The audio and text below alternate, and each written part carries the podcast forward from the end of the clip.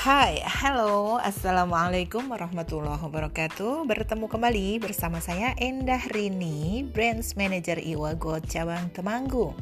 Apa kabar Bapak Ibu semuanya, para agent of God, juga member of God pada pagi hari ini dan juga pelaku usaha di UMKM yang sudah menyimak uh, podcast kami. Kami ucapkan terima kasih dan di pagi hari ini adalah hari insya Allah hari terakhir ya di 2020 tentunya kita akan meninggalkan 2020 ini dengan insya Allah dengan sangat baik dan kita akan uh, menyongsong 2021 tentu dengan rencana-rencana bisnis yang sudah kita susun ya sebelumnya.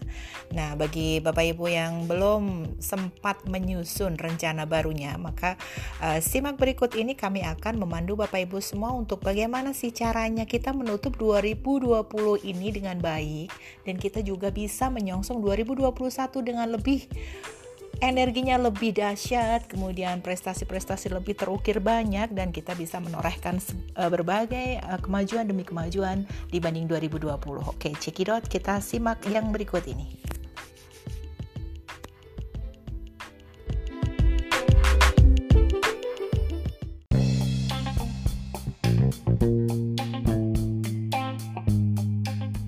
Baik, oke. Okay. Berikut ini adalah pedoman uh, kita para pejuang aset untuk menutup tahun 2020 dengan baik dan kita siap torehkan prestasi baru di 2021.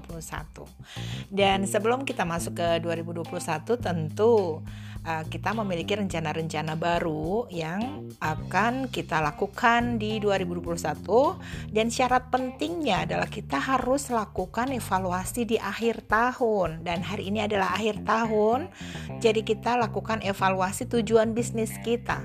Supaya apa? Supaya mengidentifikasi adakah kemajuannya seberapa banyak atau hambatan yang ada seberapa besar dan seberapa besar pula kemampuan kita menghadapi semua tantangan yang akan datang di 2021 sehingga kita bisa memperbaiki kinerja kita kekurangan-kekurangan yang ada kita bisa evaluasi dan perbaiki berikutnya. Khususnya adalah di sektor operasional. Karena operasional ini sangat-sangat uh, memegang peranan penting dalam uh, kerja atau kinerja bisnis kita di tahun-tahun berjalan. Sehingga dengan evaluasi secara menyeluruh itu, kita bisa memiliki dasar dalam memetakan peluang kita di tahun 2021. Jadi sehingga jika kita tidak melakukan evaluasi, mana mungkin kita bisa mengetahui posisi kita sekarang di mana dan kita akan ke mana. Jadi itulah pentingnya kita melakukan evaluasi di hari ini, hari terakhir di 2021 insya Allah.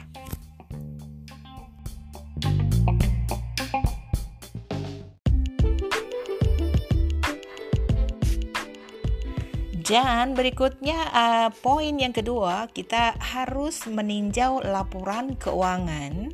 Laporan keuangan yang sudah kita buat di 2020 kita harus evaluasi lagi, kita tinjau laporan-laporannya dengan mengumpulkan semua dokumen yang diperlukan. Dokumen-dokumen itu apa aja? Tentu kita sebagai pebisnis harus memiliki laporan laba rugi, neraca, arus kas ya. Jadi itu kita minimal tiga itu kita evaluasi, kita tinjau laporan-laporannya untuk mengetahui status keuangan kita. Dan setelah itu kita jalankan laporan keuangan itu. Maksudnya gimana? Kita kembangkan laporan keuangan itu untuk menentukan kita berada di bagian mana, kita sudah ada di mana.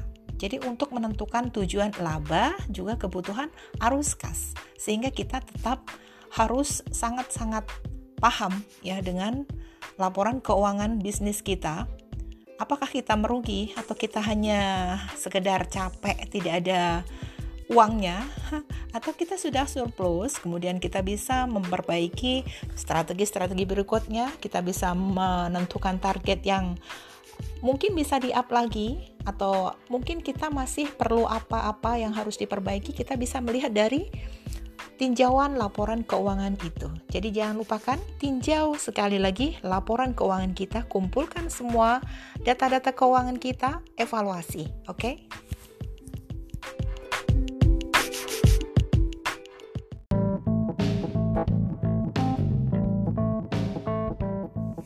Baik, kita masuk ke poin ketiga. Poin ketiga adalah uh, dalam rangka kita mencari sesuatu yang lebih baik di 2021, maka kita menyiapkan pada hari ini untuk kita bisa menutup 2020 dengan banyak sekali uh, kegiatan untuk mengevaluasi antara lain adalah kita bisa menganalisa atau kita melakukan analisis kompetitif ya untuk mengukur posisi kita. Di sini kita harus bisa melihat sebenarnya kita itu melakukan bisnis ini siapa aja sih kompetitornya. Ya, walaupun ini sebenarnya uh, kadang-kadang ngapain sih kita harus ng ngeliatin kompetitor, tapi itu penting ya. Walaupun kita tidak boleh terlalu banyak terpengaruh oleh orang lain, tapi kita memang perlu untuk mengukur sebenarnya kompetitor kita siapa. Dan dia kompetitor ini memiliki apa, seperti seberapa besar potensinya, seberapa banyak kemampuannya, resource-nya seperti apa dan itu bukan untuk uh, untuk melakukan black campaign atau apa, tapi itu untuk membuat diri kita terpacu bahwa sebenarnya kita kekurangannya di mana dan kita memiliki kekuatan di mana setelah itu kita bisa mengetahui, maka kita bisa memberikan uh, satu arahan atau satu strategi bahwa kita kekuatannya di sini. Kita harus bisa sekian dengan kekuatan ini dan kita kelemahannya di sini, maka kita harus menentukan cara bagaimana supaya kelemahan ini mm, bisa diminimalisir bahkan bisa membuat kita lebih berdaya kembali gitu. Jadi analisa kompetitif itu itu membutuhkan kita cara-cara untuk dalam rangka perencanaan. Kemudian setelah ada rencananya, kita penelitiannya agak mendalam karena memang ini harus menyangkut penelitian atau survei.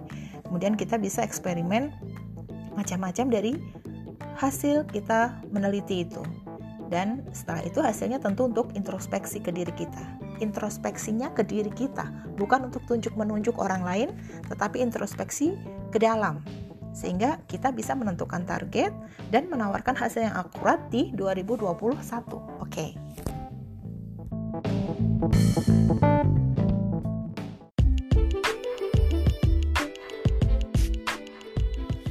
Oke, okay, kita masuk ke poin 4 yaitu tips untuk tutup tahun yang sukses ala BM Iwago cabang Temanggung Endah Rini. Keempatnya adalah kita perlu uh, menyiapkan menyiapkan rencana bisnis di 2021. Ya, kita harus siapkan. Kalau kita tidak siapkan sebelum kita memasukinya, kita nggak akan tahu arah. Percaya, kita nggak akan tahu arah saat kita tidak punya rencana. Jadi kita perlu membuat rencana bisnis untuk 2021 beserta pemasarannya. Tentu kita harus udah planning ya kita nanti mau ngapain? Pemasaran saya nanti akan membidik siapa caranya bagaimana. Jadi kita harus terus semangat dan juga kita harus terbuka ya untuk melakukan eksperimen. Kalau tidak ada eksperimen eh, kita tidak ada agenda untuk melakukan eksperimen lalu kita akan mendapatkan pengalaman-pengalaman itu dari mana? Jadi kita harus melakukan terus ya kita harus uh, bersemangat terus melakukan segala sesuatu yang baru supaya kita mendapatkan pengalaman. Dan saat pengalaman itu ada di diri kita yang mahal bukan lagi produk Anda tapi yang mahal adalah Anda. Karena Anda sudah bertumbuh dengan banyak sekali eksperimen dan pengalaman. Dan ini membuat Anda punya bargaining power oke? okay?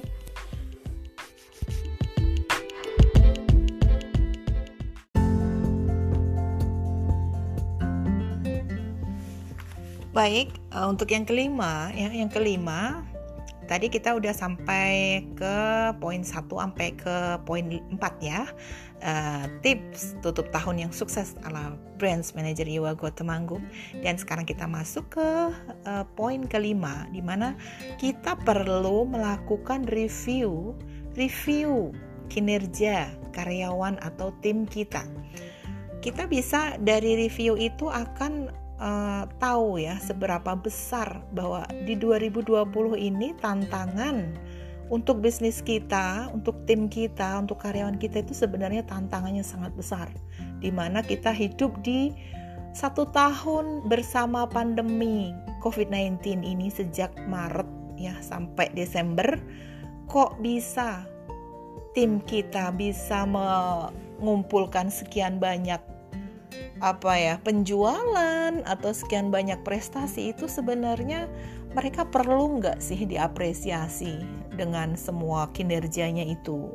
Sehingga di sini review ini sangat penting ya sangat relevan untuk kita lakukan uh, demi kita bisa mengetahui kinerja para tim kita. Sehingga kita bisa memahami mereka, memahami tim kita itu uh, dengan segala macam uh, tantangan ya juga apa segala macam permasalahan ya sehingga kita bisa memberikan wawasan kepada mereka seperti apa langkah kita selanjutnya. Jadi jangan sungkan-sungkan juga untuk memberikan apresiasi kepada tim kita. Manakala tim kita ini sudah melakukan uh, banyak sekali lompatan atau momentum-momentum yang baik yang sudah dikumpulkan oleh tim kita, maka kita di sinilah kita bisa mengetahuinya, yaitu dari review dan apresiasi kinerja tim kita.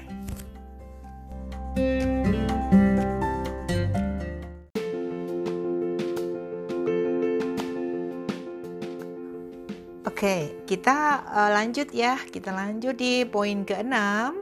Poin ke-6 ada apa? Ke poin ke-6 kita perlu memperbarui memperbarui atau apa ya? Memperbaiki lah ya, memperbaiki profil situs website dan sosial media di mana website dan sosial media mau nggak mau sebuah bisnis atau sebuah usaha itu harus memiliki channel atau media yang bisa mengungkapkan atau mengatakan seperti apa sih bisnis kita itu tentang apa sih dan di mana sih alamatnya semua itu ada di platformnya itu.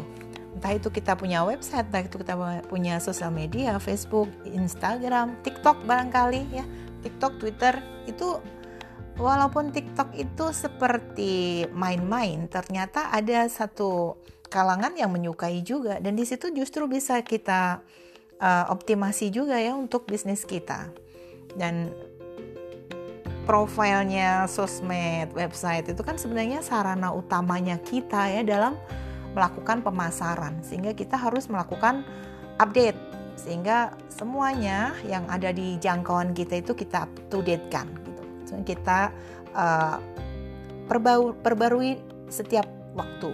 Sehingga orang-orang akan melihat bahwa bisnis yang kita jalankan itu benar-benar relevan untuk diikutin bahkan membuat orang-orang yang awalnya tidak tidak respon atau tidak respect seperti itu dia bisa sedikit demi sedikit terbentuk karena aktivitas dari sosial media kita, website kita, sehingga di sinilah uh, akan muncul impact dari semua yang kita lakukan di lini pemasaran melalui profil situs dan sosmed. Oke. Okay?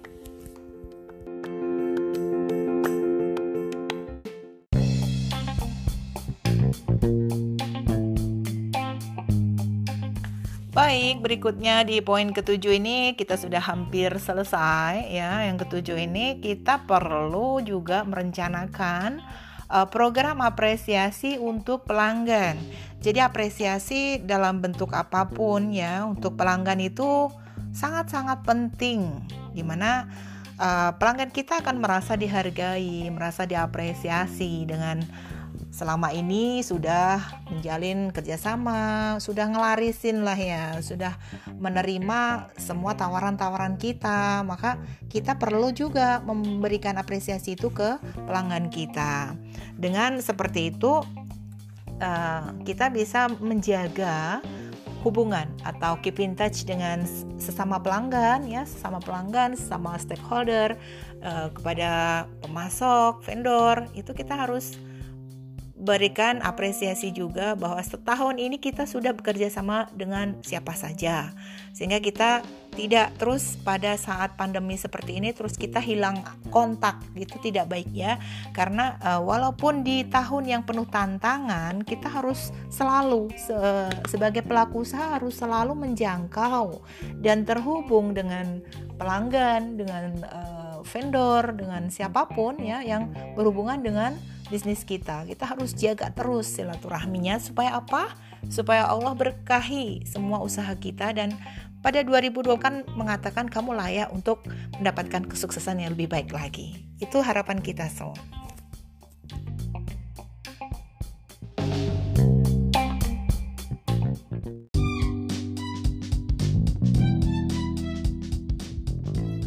Dan di penghujung acara ini saya akan menekankan kepada Bapak Ibu pejuang aset semuanya yang sudah mendengarkan podcast dari Iwago cabang Temanggung pagi ini uh, bahwa semua semua prestasi yang sudah kita dapatkan itu layak untuk kita rayakan perayaannya tidak untuk besar-besaran atau seperti kita harus menghambur-hamburkan dana yang besar, tidak, tetapi kita hanya sebagai bentuk kesyukuran bahwa kita sudah diizinkan oleh Allah dalam satu tahun itu, apalagi di tahun ini ya, tahun yang penuh tantangan ini, pandemik uh, COVID-19, kita bisa melampauinya dengan baik, itu perlu kita uh, rayakan prestasi ini bersama tim kita sehingga tim kita sendiri juga merasakan bahwa uh, iya ya kita ternyata udah satu tahun udah berjuang bersama seperti inilah keadaannya. Dan kita evaluasi evaluasinya itu hasilnya kita sampaikan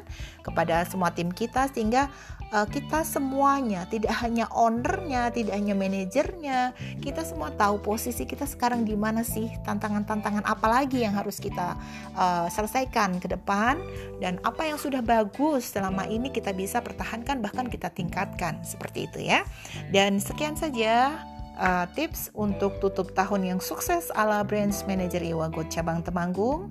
Semoga di tahun 2021 ini kita bisa lebih sukses tentunya dengan ridho Allah Subhanahu wa taala dan kita bisa bermanfaat untuk sebanyak-banyaknya umat. Sekian saja billahi taufik wal hidayah. Wassalamualaikum warahmatullahi wabarakatuh.